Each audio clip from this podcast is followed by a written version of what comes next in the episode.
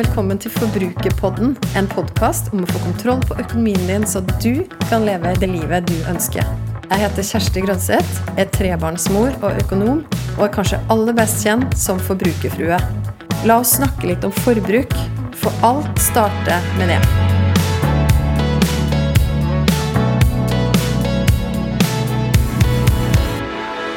God sommer og velkommen til ny sommerspesial av Forbrukerpodden. Den uka her så skal vi snakke om tips for å unngå dyre sommerfristelser, og du skal få fem tips fra meg.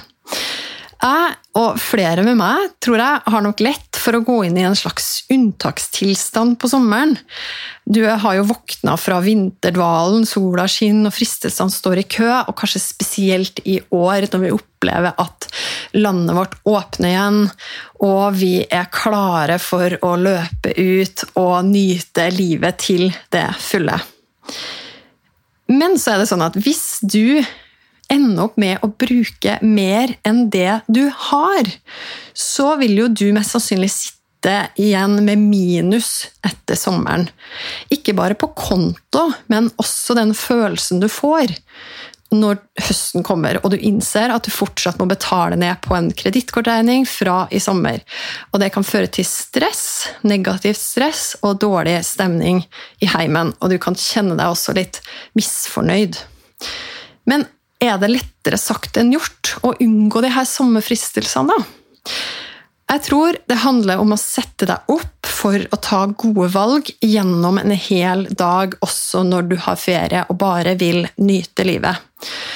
Fordi det er sånn at vi faller lettere for fristelser når vi ikke er helt på plass på innsida.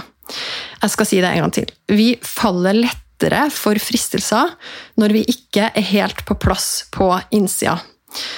Og det, den gode nyheten er at det kan vi snu med å ta helt bevisste valg gjennom dagen. Og her er fem helt konkrete tips. For det første, finn deg en fast morgenrutine. Når det er hverdag og du skal på jobb eller studier og du skal levere barn i barnehagen eller på skole, du som har barn, så finnes det en viss struktur og en viss rutine på morgenen.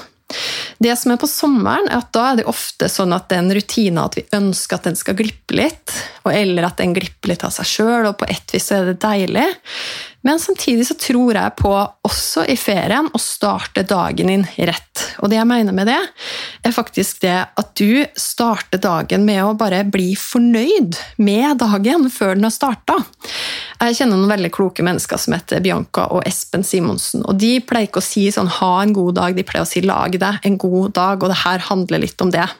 Finn en fast morgenrutine. Det kan være hva som helst. Det kan være å drikke et eh, glass vann med noe bær eller frukt i. Det kan være å gå ut og trekke inn litt frisk luft. Det kan være å spille av en sang. Det kan være egentlig hva som helst. Bare finn en fast morgenrutine og lag deg en god dag. Bli fornøyd med dagen før den har starta. Tips nummer to det handler om å sjekke inn med deg sjøl gjennom dagen. Kjør litt sånn tempe, Ta litt tempen på deg sjøl. Hvor fornøyd er jeg akkurat nå? For hvis det er sånn, hvis det er en sammenheng mellom hvor fornøyd jeg er, og hvordan jeg velger å bruke pengene mine, og tida mi for den del, men nå snakker vi om penger, så er det viktig for meg å vite akkurat hvor jeg er. Og du kan gjøre det samme. Du kan sjekke inn med deg sjøl. Hvor er du hen? Hvor fornøyd? Er det et eller annet som gnager deg? Et eller annet som hvis du ikke får det opp i bevisstheten, opp til overflata, så kunne det faktisk ført til at du tok noen dårlige valg, eller noen dårligere valg enn du egentlig trenger å gjøre. Tips nummer tre det er et litt annerledes tips. Det handler om å sette av en pott i sommer til ren sløsing. Og hva mener jeg med det? Jo, jeg er jo opptatt av å si at det å nyte livet det er en, faktisk en del av det jeg kaller en sunn og bærekraftig økonomi. Og i min kakemodell, som er et symbol på, eller et bilde på hele inntekten din, hvordan du fordeler den, med fem kakestykker som heter leve, nyte, drømme, gi og sikre, så er det jo sånn at et av kakestykkene nettopp heter nyte, og det handler om å sette av penger til dine lommepenger, feiring, fest og gaver.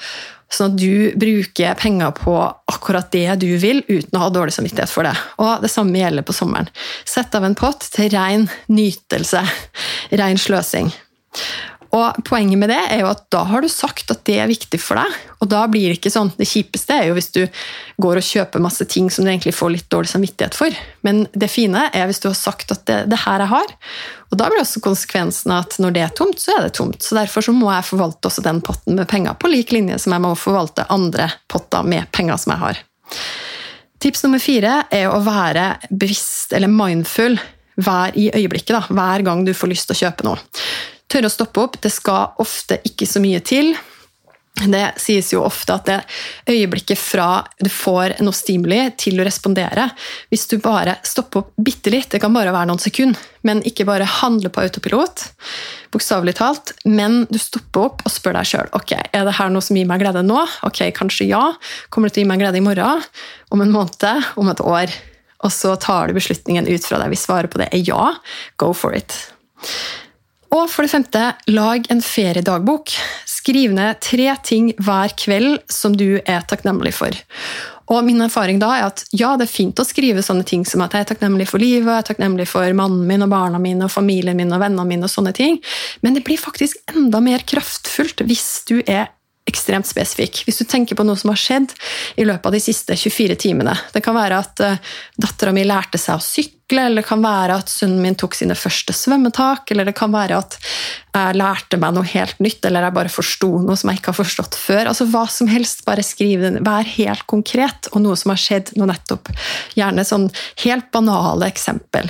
Og det fine da, når du er ferdig med ferien, så har du jo masse minner som du har skrevet ned gjennom ting du er takknemlig for. Så det er mine fem beste tips for å unngå dyre og kanskje unødvendige sommerfristelser. Jeg håper du nyter livet maks der du er, og får det du vil ut av din ferie. Så høres vi igjen neste uke. Jeg vil gjerne vite hva du tenker etter å ha hørt episoden. Så koble med meg på Instagram. Der finner du meg som forbrukerfrue. Send meg en melding. Tagg meg gjerne i Story og del episoden her hvis du likte den. Eller send meg spørsmål. Og husk å abonnere på podkasten Forbrukerpodden, så får du beskjed hver gang det kommer en ny episode. Vi høres!